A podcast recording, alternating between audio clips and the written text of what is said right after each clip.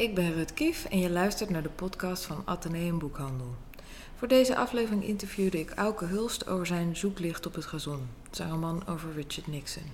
Een gesprek over schrijven, fascinaties en mogelijke gelijkenissen.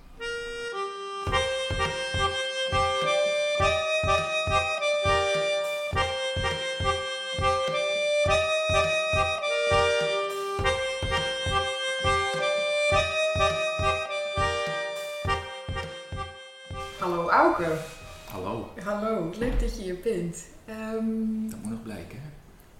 ik ga er helemaal van uit. Eh, wij gaan het hebben over jouw nieuwe roman, Zoeklicht op het gazon.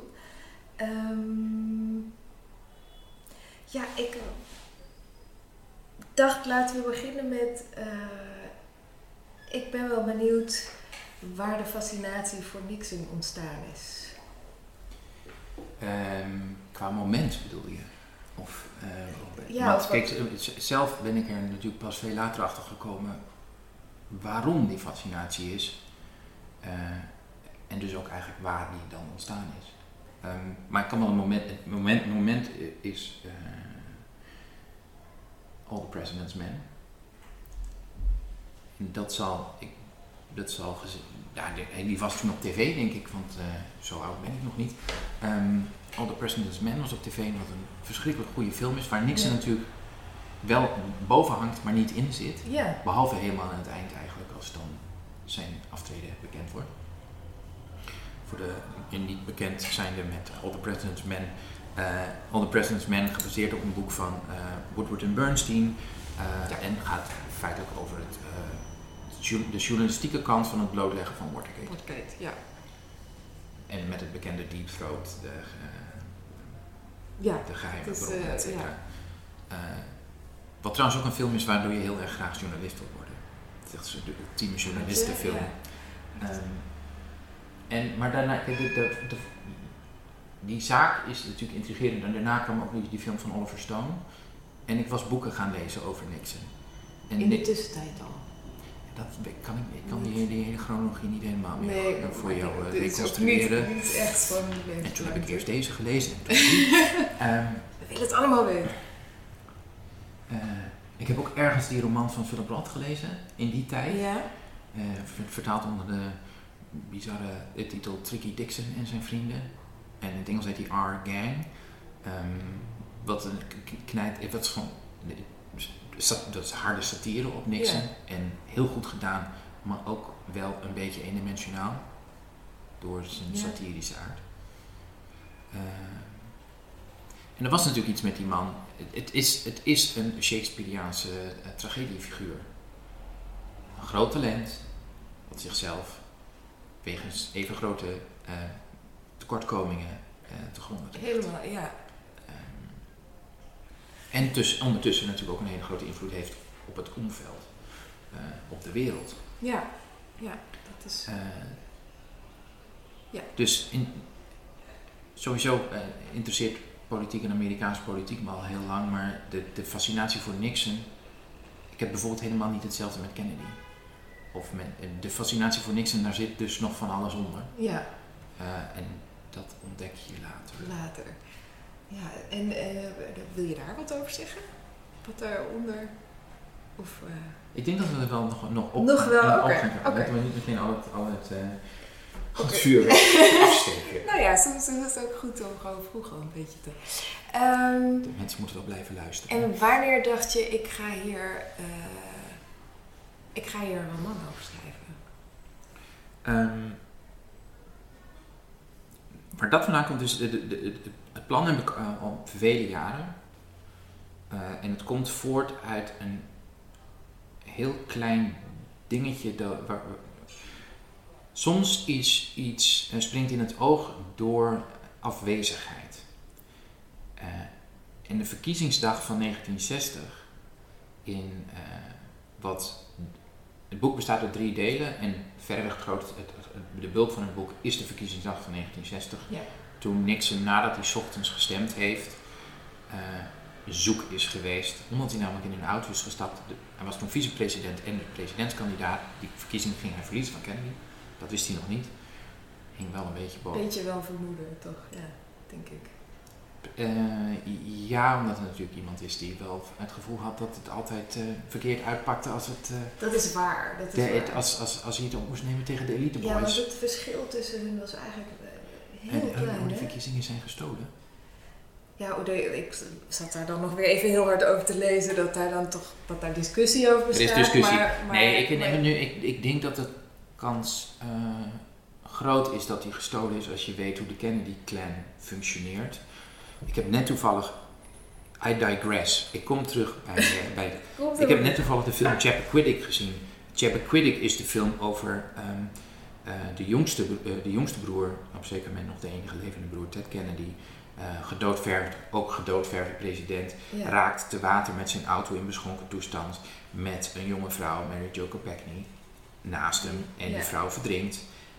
En Ted Kennedy, Ted Kennedy niet. En die wacht 8 à 10 uur met eh, rapporteren dat er een, een lijk in het water ligt. Ja, En hoe dan de clan vervolgens te werk gaat om dat allemaal een beetje te bespelen en glad te strijken. En, ja. vuiligheid. ja, maar Hoe dan ook. natuurlijk ook... Dus, dus de, de, de gedachte dat je genaaid gaat worden door de Kennedys is een vrij reële gedachte. ja, Zeker als je zelf ook iemand bent, zoals Nixon, koning van de dirty tricks. Als je zelf ook geneigd bent om anderen te naaien, dan... dan het, zoals de waard is enzovoort. Maar, Maar, ja. oké, verkiezingsdag 1960. Eh, Nixon brengt eh, heel vroeg zijn stem uit in zijn geboorteplaats. En niet zijn geboorteplaats, maar de plek waar hij is opgegroeid, Whittier, Californië. Vlakbij waar hij geboren is, Yorba Linda, Californië. En stapt in een auto en met drie getrouwen en verdwijnt. Sterker nog, de beste man is op zeker moment niet eens meer in het land. Wat ik dus heel erg raar vind. Ja, maar ja. Ja. ja. Wat ik nog raarder vind dan dat, is dat het in zijn autobiografie één alinea in beslag neemt en in alle boeken die hem over zijn geschreven nooit meer dan een pagina. Dus de, dat is een. De beste man verdwijnt op verkiezingsdag. Zijn eh, campagneteam weet niet waar hij is. Zijn in paniek. Eh, hij doet een trip down memory lane door het gebied waar hij is opgegroeid, waar hij eh, vrij veel van zijn beschadigingen heeft opgelopen. Ja, Super interessant voor een romanschrijver natuurlijk. Daar, die aanvechting om te verdwijnen en ook dan, want er is, wat er dan van bekend is, eh, zijn een paar stops die hij gemaakt heeft. Bij zijn moeder geweest, dat weten we. We weten dat hij getankt heeft in Oceanside, Californië. We weten dat hij geluncht heeft in de Old Heidelberg in Tijuana. ja. We weten dat hij op de terugweg gestopt is. Dus Hij is een Quaker, maar hij is gestopt bij eh, de Mission van San Juan Capistrano, een katholieke missie, missie waar die, die- er speelt zo ontzettend veel in die dag, Ja, waar dus nooit over geschreven is, omdat er ook heel weinig over bekend is. En dat sprong de hele tijd in mijn gezicht. Ik dacht, ja, maar die dag, daar moet daar zit, daar zit, daar zit, daar zit iets, daar zit, daar zit een essentie van die man. Niet alleen doordat hij door zijn jeugd reist, eh, maar ook die, die aanvechting om te vluchten. Het is een hele gecontroleerde man, maar die controle is dus aangeleerd. Hij is helemaal niet een gecontroleerde man. Maar je zegt aangeleerd. Oké. Ik, ik vond heel, dat sprong bij mij heel, het staat, het staat hier ook op het blaadje voor, maar dat, dat sprong bij mij heel erg in het oog. Dat, die, dat is eigenlijk een rode lijn in die drie stukken, dat willen ontsnappen en Ja. het weg en ik vond het ook wel heel eh, f- frappant. Het, het, is een, in ieder geval bij jou een heel paradoxaal figuur, Nixon. Ja, En dat eh, maar ik denk dat hij dat ook eh, gewoon was. was. Ja. Ja. Ja, je wat, Want ik, ik fo- focus in het boek op drie momenten eh, eigenlijk. eh, dus die, die, een hele bekende en goed gedocumenteerde nacht in 1970, waarin hij niet kan slapen. Grote slaapproblemen altijd. Eh, en eh, zijn, eh, zijn bediende, zijn valet, Manolo Sanchez, gevluchte Cubaan. Hele interessante relatie ook die die twee trouwens. Ehm, daar zit ook een boek in. Alleen die twee. Maar hij heeft Hoe dan ook. sowieso, hij heeft sowieso interessante vriendschappen, Ja. vind ik. Want die Bibi is natuurlijk... Nou ja, Dat is, dat is ook... Dat is ook ja. Maar ik onderbreek je, je Ja. had het over... Eh, nee, maar goed, die Man- Manolo en die moet, moet dan midden in de nacht... eh, eh, moet hij dan uh, mijn spek opbrengen of zo. Of, eh, zoals dat dan gaat. Of eh, die komt dan eens kijken. En in 1970 komt hij dan gewoon kijken wat is er aan de hand. Want hij is heel hard muziek aan het draaien. Ja, dus dan weten we... Eh, maar over, soms word je dus gewoon goud aangereikt. Hè? Want, nou, we weten wat hij draaide. Want dat staat namelijk in zijn, in zijn autobiografie. Rachmaninoff's tweede pianoconcert. En dan ga je zo'n roman schrijven en denk je van, oké, hij, heeft, en hij heeft echt iets met Rachmaninoff. En is zelf ook pianist. Wat je Mhm. niet zou denken, dat is al paradoxaal. Pianist, speelt viool, heeft thea- toneel gespeeld, het theater. Dus eigenlijk een heel cultureel iemand. Ja. Eh, en, ondert- en ondertussen natuurlijk een eh, populist die de silent majority aan het opzwepen was. Hoe dan ook. Eh, dus dan ga ik me verdiepen in Rachmaninoff. En dat is dan, dat, dat is dan zo...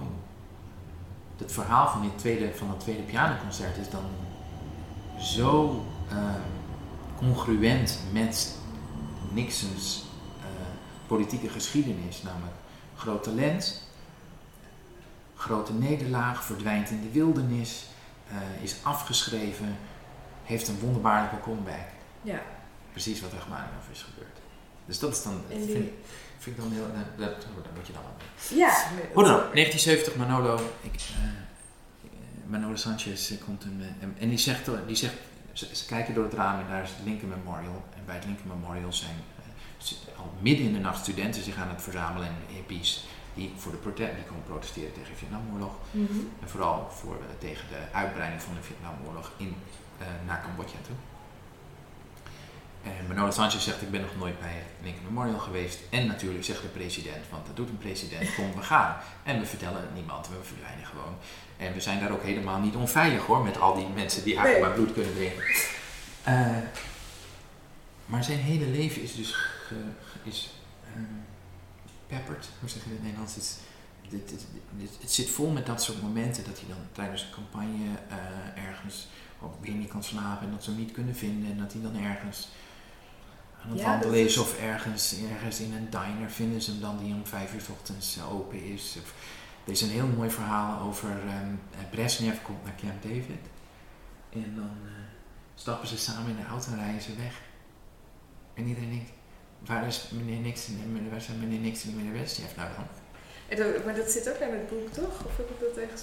Tenminste, dat, dat, Dat hij ergens aan, of niet? Of was dat Ja, dat van. De, van die, tijdens die campagne wel, maar dat van Brezhnev zit er niet, in. Oké. En dus is iemand die de hele tijd bezig was met verdwijnen. ja. En daar moest ik iets mee. En dat vind ik dan, dat, die dag in 1960 is een soort van de essentie daarvan. Ja, dat is ook dit, dit is het grootste deel. Het is Ja. het, eh, het, het ruime middenstuk. En, je, en daar ga je, ga, ga je ook terug naar zijn jeugd. En, eh, ja.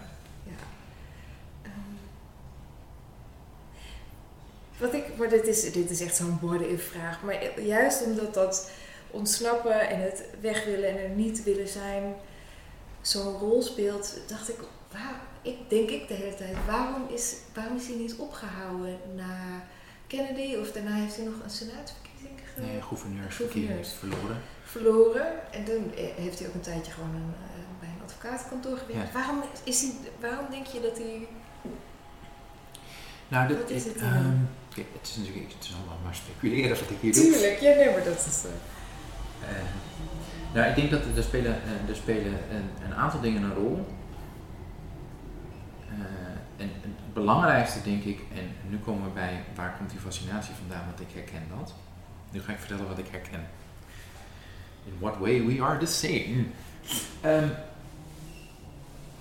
hij is opgegroeid in een, in een heel arm gezin, waar alles eh, in het teken stond van eh, de dood van twee van zijn broers, tuberculose, tuberculose gerelateerde aandoeningen. Eén, eh, zijn jonge broertje Arthur, dat soort van zijn oogappeltje was, heel jong.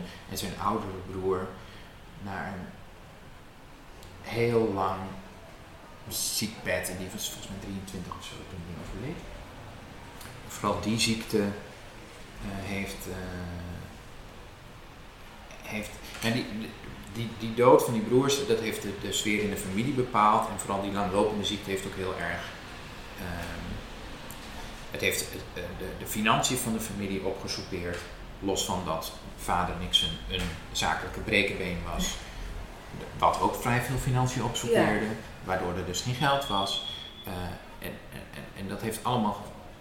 Nixon zelf, de tweede zoon, was ehm, relatief onzichtbaar.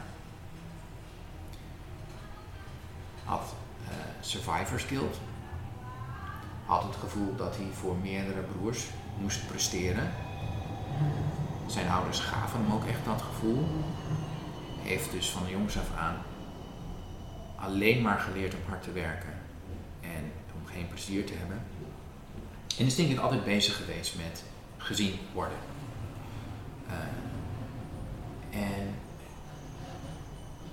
maar tegelijk dus met, en dat is het paradoxale, heel hard werken om gezien te worden, maximaal gezien worden, dus president worden. Ja. Ehm, en tegelijk die voortdurende drang om te willen verdwijnen. Om niet gezien te worden. En dat is dus heel interessant. Ja. Dat dat dan de hele tijd aan het, aan het met elkaar in gevecht is. Eh, en dat heb ik dus precies niet zo. Ah, oké. Ja. Ja. Eh, En heb je dan het idee, want en dat heeft te maken met vergelijkbare achtergrond. Hoewel ik niet uit een kwekergezin kom, kom ik wel uit een plattelandsgezin. Aan lage wal geraakt. Sterfgeval van mijn vader in dit geval. Ehm, Voorkomen overschaduwd worden door problematiek die door anderen is veroorzaakt. En dan vervolgens je hele leven proberen om gezien te worden. ja.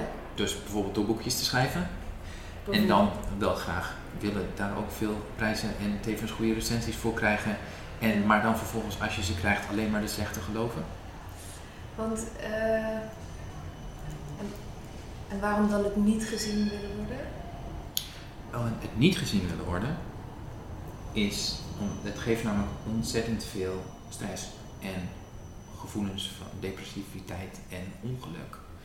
En eh, ik denk dat je daar dus ook. Het zou een hele gezonde keuze zijn om het niet te willen. Voor jezelf. En je hebt dus gelijk. Nixon. Waarom? Waarom doe je dat nou? Ga nou toch gewoon, wees nou maar gewoon een, ergens een advocaat ergens. Doe nou. En, en wees blij met een vrouw en twee kinderen en, en, en je advocatenbaan. Dit hoeft niet. Ja, nee, dat, Maar vernietig jezelf nou niet. Dat het, ja, nee, maar dat is goed. Dat er, voor mij zat er op een bepaalde manier ook een, een spanning in het verhaal. Omdat je, je weet natuurlijk hoe het afloopt. Maar dat je dan toch denkt, eh, als, het, als, het je zo, als het je zo zwaar valt, wa- waarom dan? Of, eh, Ja. je ziet die hele, dat vond ik heel goed gedaan. Dat je de, de hele mallenmolen waar die in zit. En dat je dan op één pagina denkt hij iets negatiefs over iemand. En dan twee pagina's verder is het helemaal het omgekeerde. Hij is natuurlijk gewoon ook echt... En zijn verhouding met Kissinger is, eh, is een lekkere in die. Bijvoorbeeld, maar ik vond hem eh, met zo'n vrouw ook. Dat hij zich op een gegeven moment vraagt. hij, Ik ben even vergeten wat, maar vraagt, geeft die pet ergens de schuld van. En dan vervolgens dan plaatst hij er totaal op een voetstuk. Dat Maar dat, maar dat heeft natuurlijk ook alles te maken met zijn verhouding tot zijn moeder, die, die de hele tijd soort van aan, het, aan de wereld aan het presenteren was als, als een heilige. Maar die heeft dus ultiem verraad gepleegd. Die heeft hem jaren in de steek gelaten Ja. om voor zijn broer, om voor Harold te gaan zorgen Ja. ergens in de woestijn.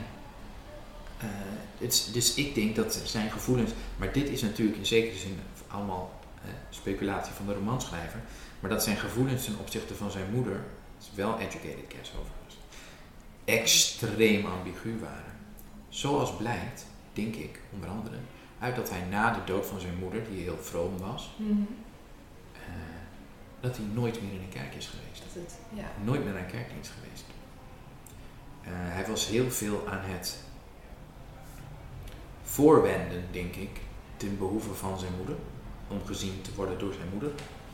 Eh, en hij was zijn moeder eh, heilig aan het verklaren, denk ik, ook een beetje tegen de klippen van zijn boosheid. Ja, dat, dat, dat zal. Ja. En dat voorwenden, dat is iets wat hij eigenlijk de hele tijd blijft doen. Zo. Ja, maar het is ook te bestudeerd hoe hij dat doet. Hij gebruikt bijvoorbeeld heel vaak dezelfde woorden ervoor. My mother was a saint. Ja. She was a saint.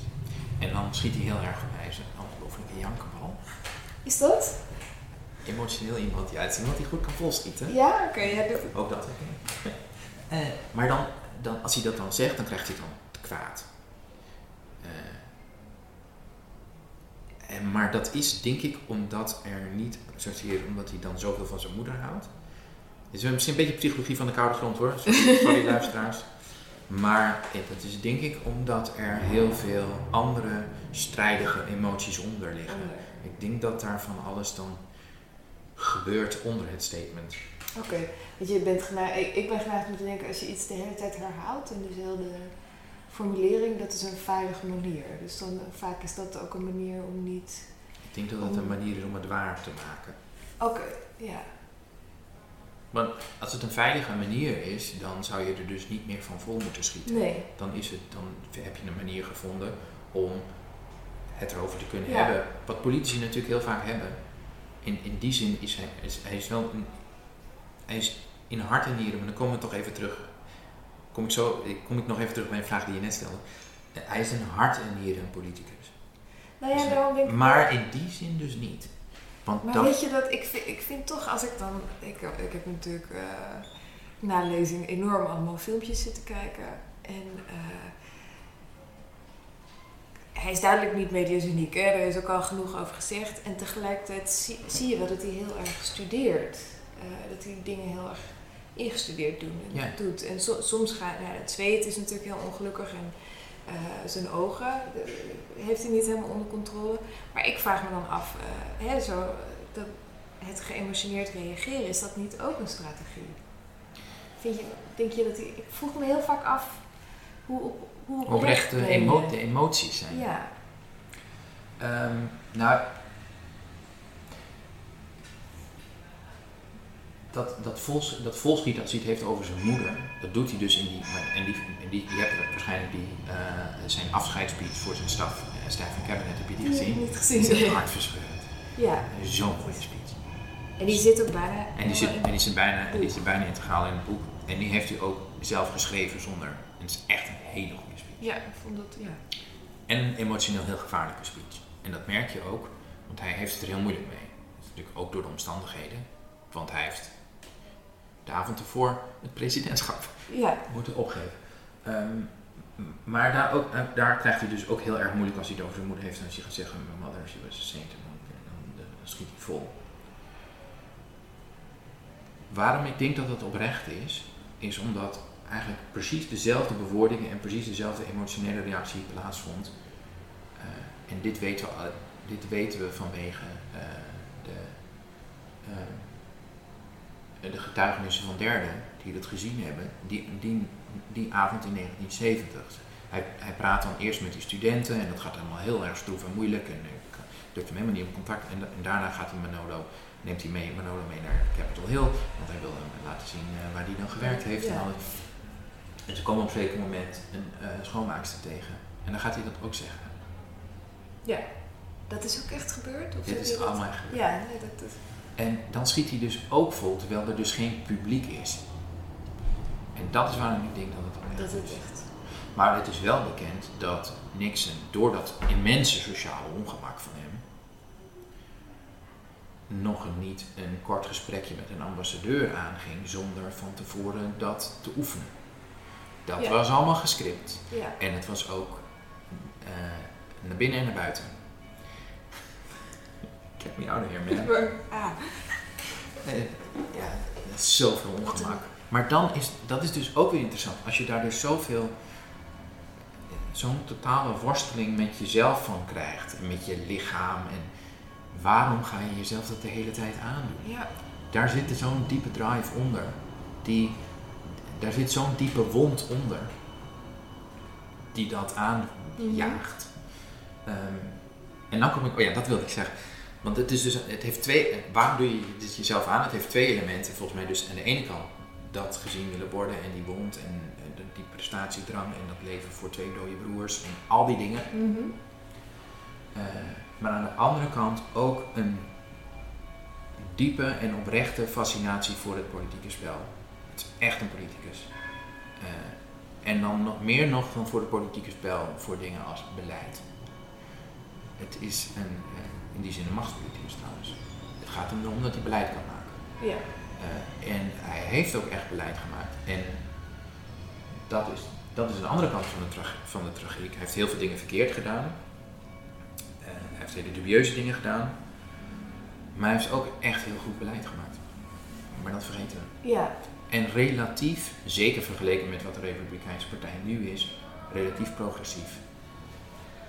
Ja. dat is natuurlijk met... uh, Het is nu ma- Trump is dat... eh, ja. Het is vrij makkelijk, maar ook, Maar- ook veel progressiever dan Reagan. Maar ook wel opportunistisch vaak, toch? Eh, Ja, maar dat is dus waarom het een machtspoliticus is. Hij Ja. had te maken met een democratisch congres. Hij wilde dingen gedaan krijgen. Hij snapt. Trump denkt dat hij een dealmaker is. He ain't. Hij zou eens even moeten kijken hoe een dealmaker dat doet. ja. Je hebt te maken met deze facts on the ground. En dan ga je inderdaad ehm, dingen gecalculeerd doen. En dan krijg je wat. En dan verlies je wat. Eh, en hij heeft ook dingen gedaan, gecalculeerd om hele verkeerde redenen. Ehm, en dat heeft hem natuurlijk genekt. Ja. Ondertussen gaat De- gaat de kinderen luid de kerk. Ja, al De een kerkklok, tijdje ook. eh, luiden, luiden, ja. Er is iets bijzonders vandaag, denk ik. Ehm, even kijken. Wat wou ik nou vragen? Ik niet. Door de kerk ben ik het kwijt. Ehm, oh ja. Nou ja, juist ook omdat er al zoveel geschreven eh, is en eh, over is. En er zijn al zoveel films over gemaakt. Ik was heel benieuwd. Vond je het moeilijk om, om een... eh, het is een roman in de derde persoon, maar je zit In zijn hoofd. heel dicht Ja. op hem. Heb je, heb je er lang over gedaan om, om niks in te vinden, zeg maar? Nee. Ik had hem meteen. Dat is heel raar, soms ben, ben je. eh,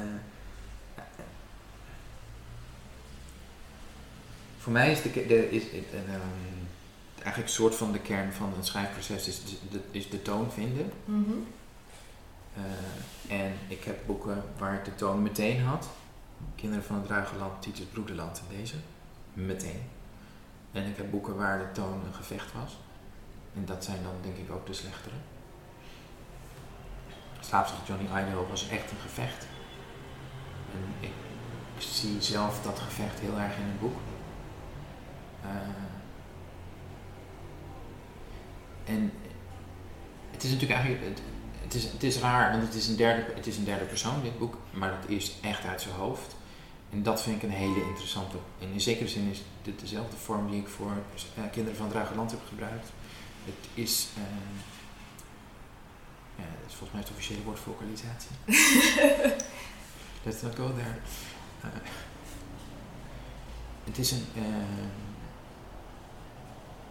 het is een vorm waarin je iets van je eigen stijl kan meebrengen. Terwijl je toch in een hoofd zit van iemand. Hoewel ik hier wel heel erg. De stijl is, is, is wel ontzettend infused ehm, door, Door, door, doortrokken van... doortrokken van. ehm, ik heb natuurlijk ook zijn, zijn bepaalde type spraak van hem geanalyseerd. Om te kijken wat voor. eh, en er zijn dan ook dingen die je dan. Waarvan dan de bureauredactie zegt van ja, maar dit is fout. En dan zeg ik nee, het is niet fout. Hij maakt deze fout altijd. Oh, ja, ja, ja. Ik dacht meer dat in de Enzovoorts en zo verder. Maar heb je, heb je overwogen om het vanuit de ik, ik Nee. vond? Nee. En, Nee. en waarom? Nee, dit voelde, dit voelde, ik weet niet, dit voelde gewoon meteen goed. En dan eh, ga ik daar ook, uh, don't, Nee, nee, nee. Never second don't, guess. don't overthink. Nee, dat Nee. snap ik. Ehm, maar het is, want wat fijn is in deze vorm, eh, is dat eh, je kunt eh, een soort van, je zit natuurlijk in zijn hoofd, dus het is heel erg ingezoomd, maar je kunt toch geniepig soms een heel klein beetje uitzoomen. Je kunt, je kunt in, een beetje in uitzoomen doen, Ja. want als je echt in iemands hoofd zit, is uitzoomen meteen foute boel. Ja. Dat kan niet. Dat, dat is meteen, dat, dat klopt gewoon niet. Ja. En als je, eh, dat is een vorm die trouwens ook wel kan werken, dat, dat, dat- maar je ziet hem soms iets meer in commerciële fictie volgens mij. Eh, dat het echt derde persoon is, maar dat je dan soms van die stukken krijgt dat je opeens in de gedachten zit en het staat dan in cursief. Oh ja, ja. Dus Ja. dat kan ook. Ja, Dat kan ook en dat kan ook werken. Ehm, maar dan ben je wel de, aan, je, bent de, je, bent, je bent de aandacht aan het vestigen op de, op de truc. ja. En je wil eigenlijk dat het volkomen natuurlijk voelt. En dat je dus kan, kan zoom, inzoomen en uitzoomen zonder dat de lezer doorheeft dat daar techniek aan de hand is. Ja. Oh, maar dat is, maar dat is ook alweer een, een, eh, dat is een opvatting natuurlijk ook. Ik bedoel, dat is... Alles is een opvatting. Ja. nee, maar maar dat, dat vind je belangrijk. Dus ook gewoon dat je... Dat, dat, ja, sommige mensen schrijven stilistisch zo dat je juist heel veel stil moet staan als lezer of zo. Maar je, je Nou, ehm, ik wil natuurlijk wel dat, met, dat er bij de inhoud wordt stilgestaan en misschien ook wel bij, soms bij de stijl. Het is natuurlijk, het is niet vlak van stijl. nee, nee, nee, dat is het zeker niet. Maar dat, Ehm, en het is niet dat je even dit even, even lekker wegleest, zo makkelijk. Nee, maar het is wel. Je, je gaat editen? natuurlijk, ik, ik vond het best tricky, omdat ik, ik, moest, er, eh, ik moest er even over nadenken. eh, toen ik dacht, in welke vorm is het eigenlijk geschreven? Omdat het, het had ook op een bepaalde manier in de, eh, in de ik-vorm geschreven kunnen worden in mijn beleving, omdat je, omdat je zo dicht op hem zit en je wordt wel meegevoerd. En ik denk dat dat juist heel goed werkt, omdat je een beetje toch in die gekte van hem. Maar doe, het, maar doe het nu eens in, maar pak eens een pagina en ga dan eens nadenken over hoe dit is in de ik-vorm. Want het heeft enorme consequenties. Ja, nee, dat, ja, nee, ik snap het. En ik snap ook voor de vorm. Tuurlijk. Eh, Dit is denk ik een goed moment om het voor te lezen. maar ga jij dat dan doen? Zal ik dat eh, eens even doen? Ik heb natuurlijk helemaal geen papiertje hier tussen gestoken. Het was 76 en 77. Dank u wel. Maar je wist het zelf. Ik wist wel ongeveer. Nee, ik ga, ik ga een al- alinea voorlezen en die alinea eh,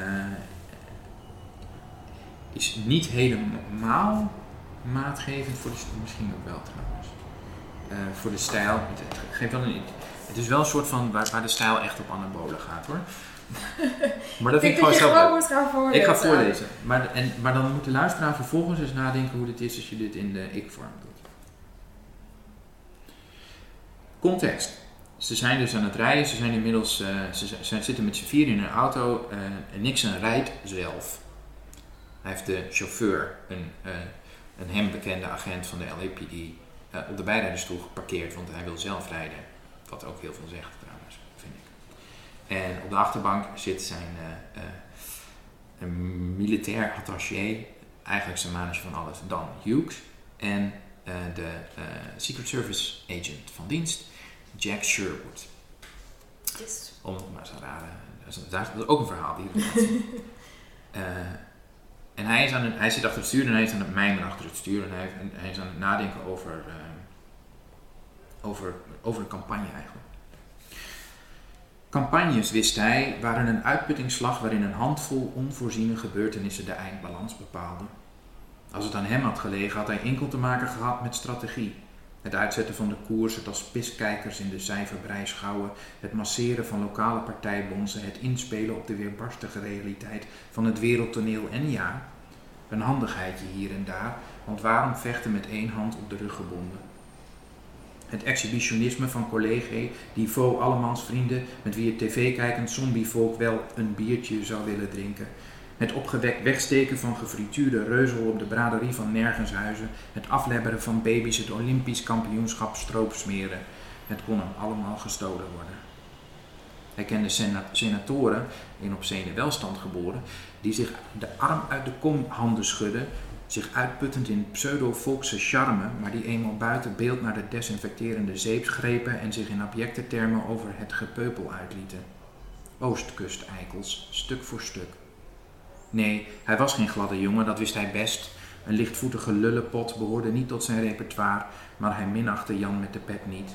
Hij was de gewone Amerikaan. En dat kan niet in dit vorm. Nee, nou ja, hoef het. Ja, het wordt iets heel anders. En, eh, Nee, dan moet je gewoon een ander, dan word je gedwongen tot een andere taal. En Dan- ook tot, tot, tot bepaalde. Wat je nu nog kan doen eh, in, in die vorm, terwijl je heel dicht op zijn ho- in zijn hoofd, terwijl je in zijn hoofd zit. Eh, ik leg zo min mogelijk uit in het boek Mhm. qua context. Dus voor mensen die denken van ik moet precies weten wie wie is, is het een lastig boek, denk ik. Want dat Ja. gaat nou niet uitleggen. Om de hele simpele reden dat Nixon natuurlijk zelf weet wie wie is. Ja. Dus die gaat dat dan ook niet uitleggen. Maar dat wordt nog extremer als je het in de ik-vorm schrijft. En dus je kunt nu soms heel geniepig informatie laten, laten, drop, eh, laten droppen. Eh, droppen. Laten vallen. La- Droppen. ja. Droppen. Oké. Waardoor je nog net wat meer... Maar waar je, net, je kunt net iets meer context veranderen. Context. En uiteindelijk, ja, die zijpersonages, de, de, al- iedereen die niet Nixon is, Is irrelevant. zijn, zijn belangrijk, maar ook weer niet. Nee, zijn, nou, ze zijn allemaal in zekere zin spiegels voor. Het zijn al, alles spiegelt. Het gaat allemaal om zijn reactie op mensen om hem heen. Die mensen om hem heen zijn best wel irrelevant. ja, nee, het is een heel, ja, het Het is een is- heel gesloten universum. Het is een claustrofobische zaak. Ja, ja. Wat ik dus heel mooi vind, is dat zijn favoriete kamer in het Witte Huis de Lincoln Sitting Room was. Wat de allerkleinste kamer in het Witte Huis is, afgezien van de toiletten. Daar zat hij dus altijd. En dat, dat, dat, dat ingekapselde van zijn hoofd zit Dat dus ook in zijn keuze is. voor kamer. ja hij, maar ook, ja, En dan weer dat willen ontsnappen. Dat je er dan weer even, dat je dat, dat dus ook soms moet doorbreken.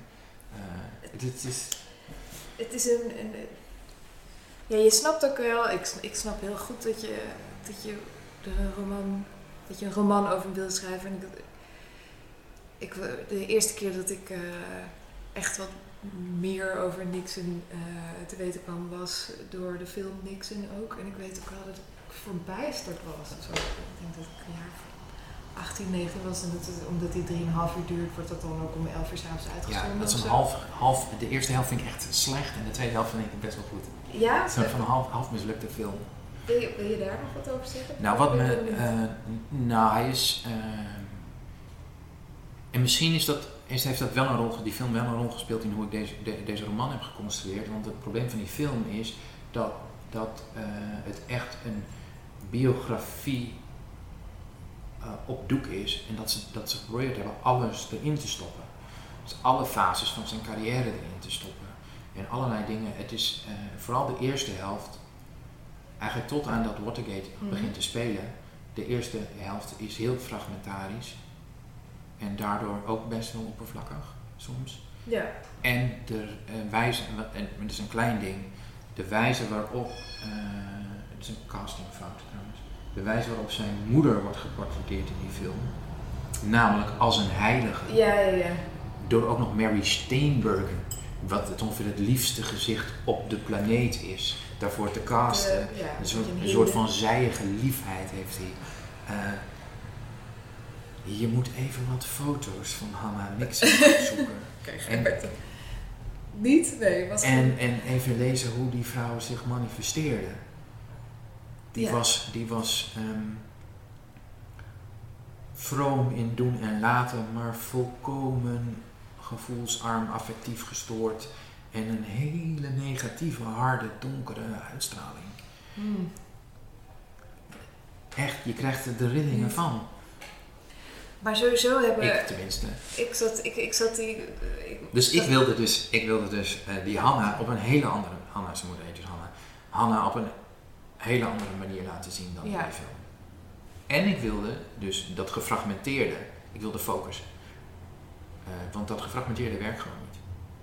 Of je moet een heel dik boek, in een non-fictieboek werkt dat wel, want dan, dan dat die, die biografieën zijn monsterachtig dik. Ja, ik ook. En het gaat natuurlijk, eh, het gaat om, dus alles wordt van buiten bekeken, het gaat om informatie. Ja. Je mag het allemaal... En ik wilde iets van binnen. Daar wilde ik ook een roman schrijven. Ja. Nou, Ja. dat is ook... En, en, en gefocust, thematisch gefocust. En dan moet je keuzes gaan maken. Ja. Maar het is toch ook wel... Ja, het is grappig dat je dat zo zegt. Want dat... Ik dacht tegelijkertijd ook... Ja, hij blijft natuurlijk wel... Juist voor film... eh, ook wel echt een inspiratiebron. bron. En eh, dat je dan uh, niks en nog te documentair vindt. Nou, maar het, het, ding met film, het ding met film is dat je ook uiteindelijk, het geldt voor non-fictie en het geldt voor film, van buiten kijkt. Ja, nee, dat is het ding. En de roman is de enige vorm, of poëzie, en literatuur is de enige vorm die toestaat om van binnen te kijken. Ja, ja want dat vond ik. Dat, dat en dat is, dat is natuurlijk wel tricky. Want je gaat aan de haal met een bestaand iemand. Ja. Ja, misschien even van de film af. Misschien moeten we het daar ook nog even over hebben. Um, vind, je, vind je hem nou sympathiek, Nixon? Of heb je compassie voor hem? Ik heb veel, hij, hij breekt mijn hart. Ja. Maar ik zou niet graag een biertje met hem drinken. Dus sowieso vind ik bier vies, maar los daarvan. Uh, het is niet een, ik denk niet een aangenaam mens. Maar wel een, uh, ik heb wel veel, uh, ja, ik heb wel veel compassie voor hoe dat is gebeurd. En er zit natuurlijk ook aanleg in. en het vervelende, voor, het vervelende van onaangename mensen is dat ze vaak ook niet zo leuk zijn voor zichzelf. Mm. Um, en ik vind het trouwens sowieso, dit is geheel even geheel terzijde, ook van belang dat er boeken geschreven worden over onaangename mensen. Uh, en die laten zien dat het mensen zijn. Dat is het. En, en ik zou bijna zeggen, zeker nu, nu alles uh, meteen uh, in, in, via een soort van binair goed en fout wordt geduid. En als je fout bent, dan, uh, dan is ook meteen alles voorbij en afgeschreven en dan ben je niet meer. Ik zag, oké, okay, voorbeeldje. Ik zag, ik, ik, zag dus op Twitter. Ja. Cas Mudde had een, had een geriet. Cas Mudde, ik ga je dissen, jongen. Cas Mudde had die, trouwens, prima, prima kerel. Um, maar uh, die is heel links. Mm -hmm. En ik ben ook heel links. Ik heb wel een boek geschreven over niks. En hij, uh, hij retweette iets van uh, Steven Pinker. Um, en Pinker die was dan iets aan het zeggen. En hij retweette dat met de opmerking. Um, even kijken, nu ga ik uh, parafraseren.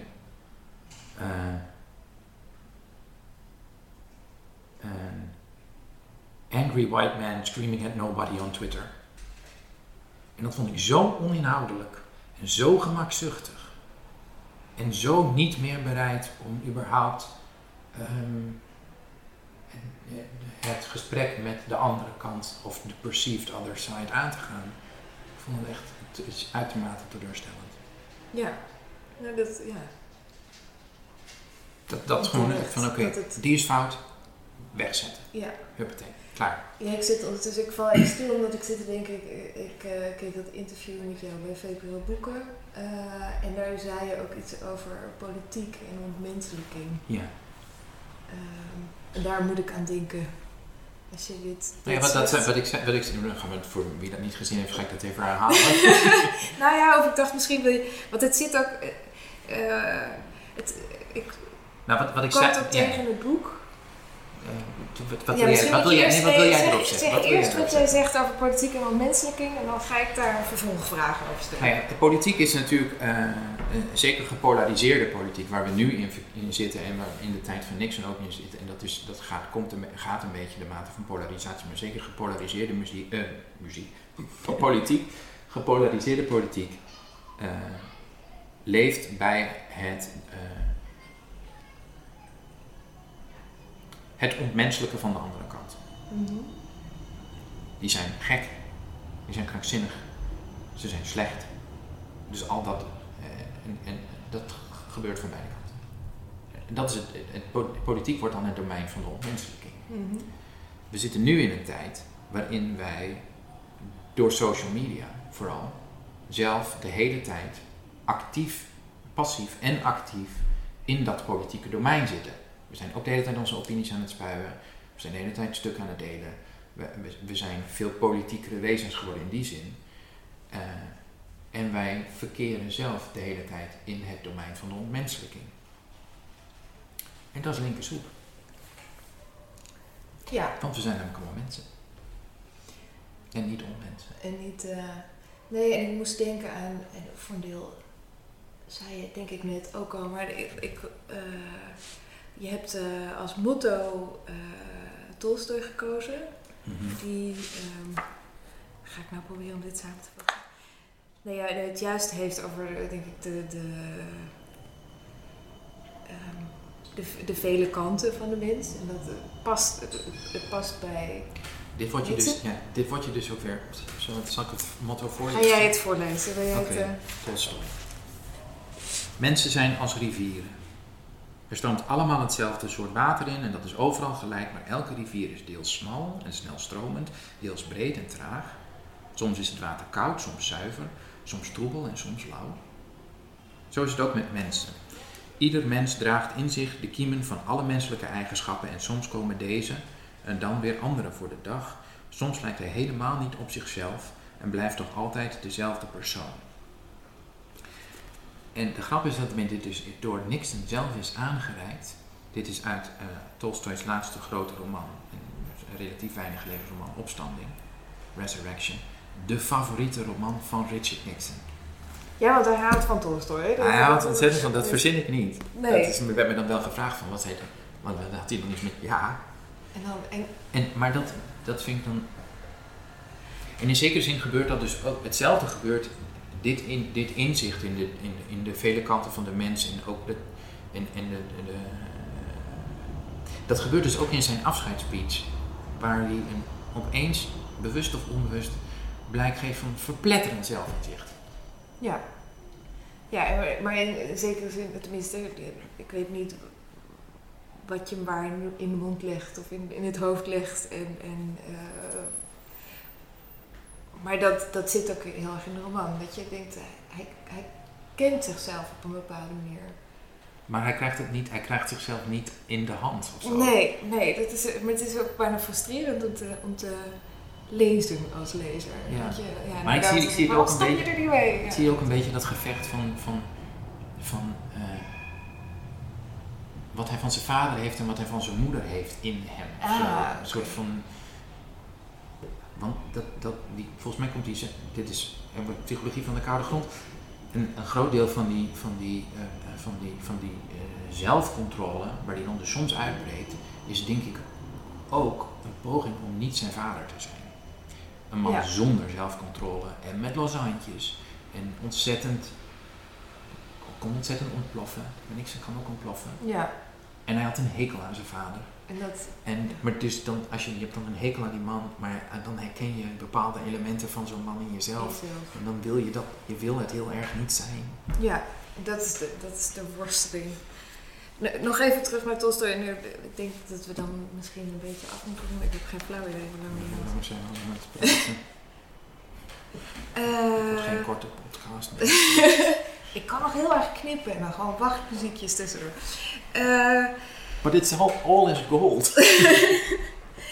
eh, want ik vond, het, ik vond het een heel goed motto bij de roman. Maar ik, vroeg me ook af, juist ook omdat je aan het eind, dat is dan het grote gele blaadje, laat je niks en eigenlijk het tegenovergestelde over politiek zeggen. Hè? Dus wat jij net zegt ook over ontmenselijking.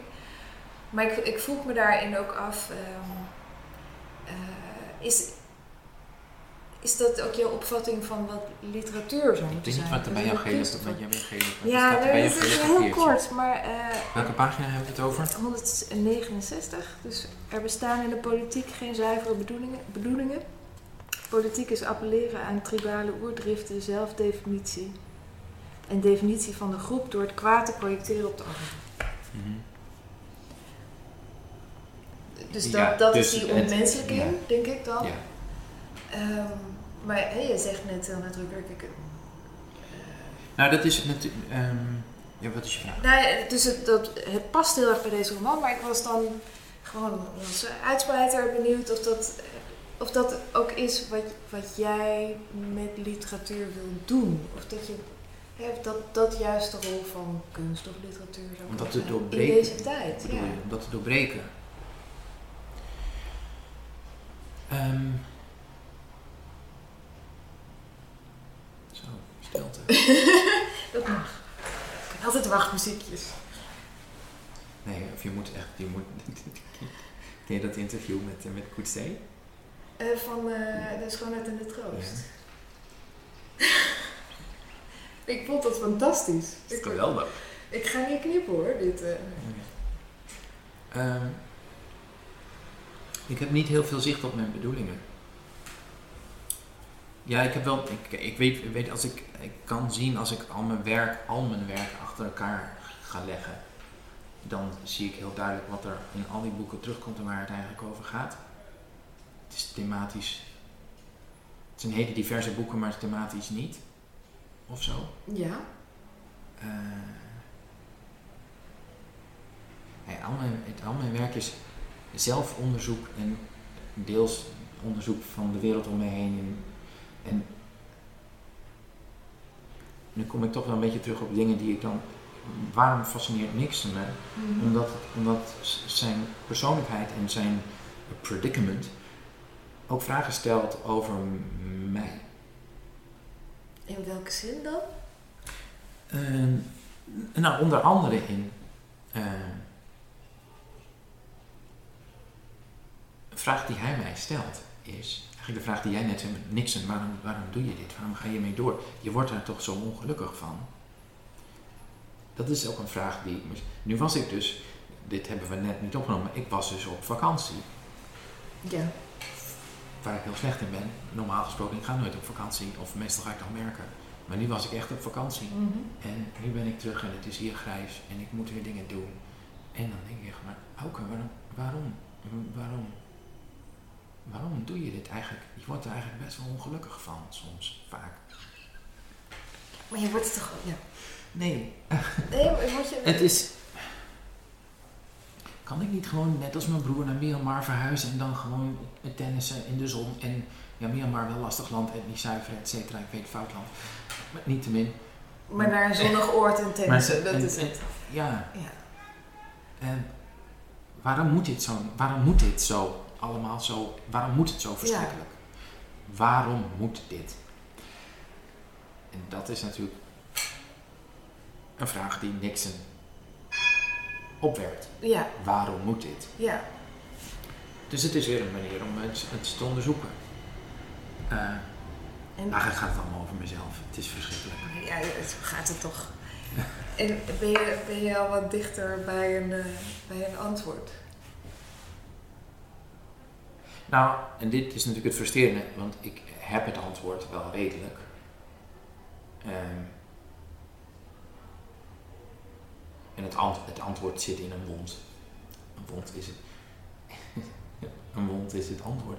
Maar je zou dan kunnen denken, misschien moet je iets met die wond doen, iets anders dan dit, dan de hele tijd die wond onderzoeken en daarin zitten te beuren. Boeren? Ik reken het Woorden. goed. Ja, Eh, maar misschien moet je eh, eens kijken of je op een. of je een vorm kan vinden voor je leven die. Oh, dit we gaan heel zwaar. dan komt, Eh, bedenk nog wel even een vraag. die. ehm, waardoor je wat meer het vermogen tot geluk zoek vindt, uitdiept. Dat, kun je niet gewoon een wat, kun je niet een wat blijer leven voor jezelf organiseren? Ja, of, of, of in ieder geval... Want je weet nu toch inmiddels wel dat je dat dit misschien. Nee, maar goed. Nee, Oké, nu beginnen we pas. Oké. nu, nu. Ik ben dokter. En nu komen we. Ehm, het ging over. Ik, inmiddels weet ik dus dat. eh, ik weet al heel, eh, al, ik weet heel goed dat gezien worden in verschillende vormen dus niet helpt. Mhm. Dus dat is een slechte reden om het te doen. Want het helpt niet. Sterker nog, het werkt zelfs averechts. Want tegenover die, die keren dat je gezien wordt, staan natuurlijk heel veel keren dat je voor jouw gevoel Niet, niet, niet gezien Ja. wordt. Wat vaak en onterecht is, dat je dat voelt. Terwijl je zelf vindt dat het heel onterecht is dat je niet, Niet gezien, gezien wordt. Dat helpt dus niet. Dat weet ik dus. op een rationeel niveau. Ja. Toch kan ik niet de conclusie trekken dat ik misschien iets anders moet gaan doen met mijn bestaan. Ehm, dus er is iets anders waar ik te doen. Ja, je moet er toch ergens, ja, precies. Hé, hey, we komen toch op een opwekkende Misschien vind ik het... het- ja, oh. er, zijn wel- er zijn nou momenten namelijk dat ik het wel heel fijn vind. De hele schrijverij. En wanneer is dat dan? Dat is als ik aan het schrijven ben en ik heb de toon. En, Ah. het is nog, en, en, het, en, ik, en alles kan nog anders. Dat is ook heel fijn. Het, ik zeg, het middenproces vind ik heel fijn. Ja, niet Eh, het beginnen, maar Het eind vind ik echt een ramp. Want Ja. dan eh, moet je, en, en zeker, dan, dan, dan, dan, dan eh, moet je besluiten van oké, eh, dit is het dus zo'n beetje. En dan begin je, en dan, dan word je bewust van dat iedereen er van alles van kan vinden. ja, je hebt mogelijkheden Eh, afgesloten. en alle mogelijkheden zijn afgesloten. Ja, hebt de controle, de controle is zoek. Ja. Eh, maar dat, dat hele proces ervoor, eh, ah, dat is eigenlijk hartstikke fijn. Ja, schrijven zelf is eigenlijk hartstikke fijn. Ja, nou ja, dat is, eh, die erkenning is gewoon, eh, Eigenlijk moet ik gewoon, ik, Salinger had gelijk. heel wel, heeft Salinger nou door, doorgeschreven? Ja, men zegt het. Ja, maar dan hadden er toch al lang boeken moeten liggen. Ja, maar die waren ook, er waren ook heel veel boeken aangekondigd. Ja, En dat die dus waar. niet verschijnen. Maar heeft hij ze dan allemaal verbrand? Dat Nee, is- want ze zijn aangekondigd op basis van dat ze gevonden zijn. Neem ik toch Oh, oké. Ja, nee, maar ik dacht, maar, Maar misschien is, is het, maar misschien is het gewoon heel erg slecht. Dat kan. Ja. Aan de andere kant denk ik, ja, er zal toch nog best wel veel geld mee te verdienen zijn. Dus dat zal. ja, ze gaan het allemaal uitbrengen natuurlijk. Als het Er is wel iets mee. Kijk, zijn, zijn, werk werd, zijn, ja, maar zijn werk werd natuurlijk ook al voordat hij stopte met het aan anderen te laten zien, werd het al best wel slecht. Eerlijk gezegd. La, laat ik is zeggen, echt nou, nee, slecht, slecht, heel ehm, eh, uitermate eh, zelfgericht. Voor- duidelijk voor zichzelf geschreven en pedant. En, Ja, hoewel dat... en eigenlijk gewoon eh, niet zelfkritisch genoeg. Eh, en ik vermoed dat als je jezelf daar in je hutje in, in New Hampshire opsluit en niet meer zelfkritisch genoeg bent Nee. en niemand anders gaat kritisch zijn op wat je aan het schrijven bent, ik vermoed dat het gewoon echt onuitstaanbaar is. geschreven. Maar al die elementen zitten natuurlijk ook wel. Ik bedoel, ik heb Salinger met veel plezier gelezen, maar ik, ik vind de personages toch ook altijd gewoon hele vervelende mensen. Dus als je dat inderdaad in de overdrive, dat ja. Ja, Goed. maar ze worden ook steeds vervelender, hè? Naarmate Ja. zijn oeuvre Ja, vordert.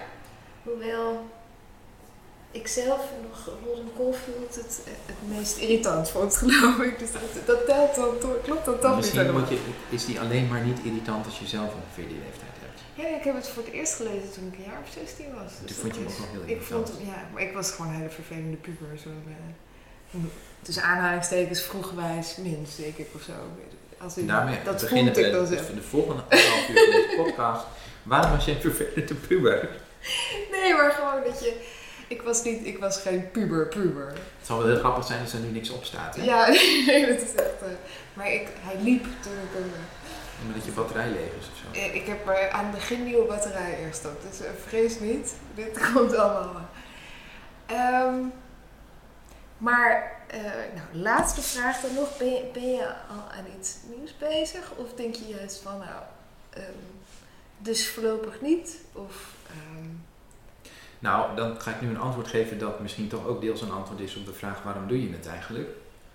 Eh, Ja. Ik ben altijd in mijn hoofd al eh, meerdere boeken verder. Dus ik weet nu al wat mijn volgende vier boeken worden. Dus die ben ik eigenlijk al aan het Aan schrijven. Maar dan, sommige dingen staan al wat op papier en andere dingen zijn alleen maar bezig in mijn hoofd. en eh, worden die boeken ook uiteindelijk allemaal geschreven? Ik bedoel, je hebt natuurlijk wel meer mensen die met... Tot dusver, tot dusver is dat meestal wel dat gebeurd. eh, Oké, oké. En je weet dan ook al wel wat er hier... eh, Mhm. Goed. Ik ga er eh, niks over zeggen. Nee, dat, dat was eigenlijk. Ja, dat is niet te horen, maar wel te zien. Oké, okay, dankjewel. Geen dank.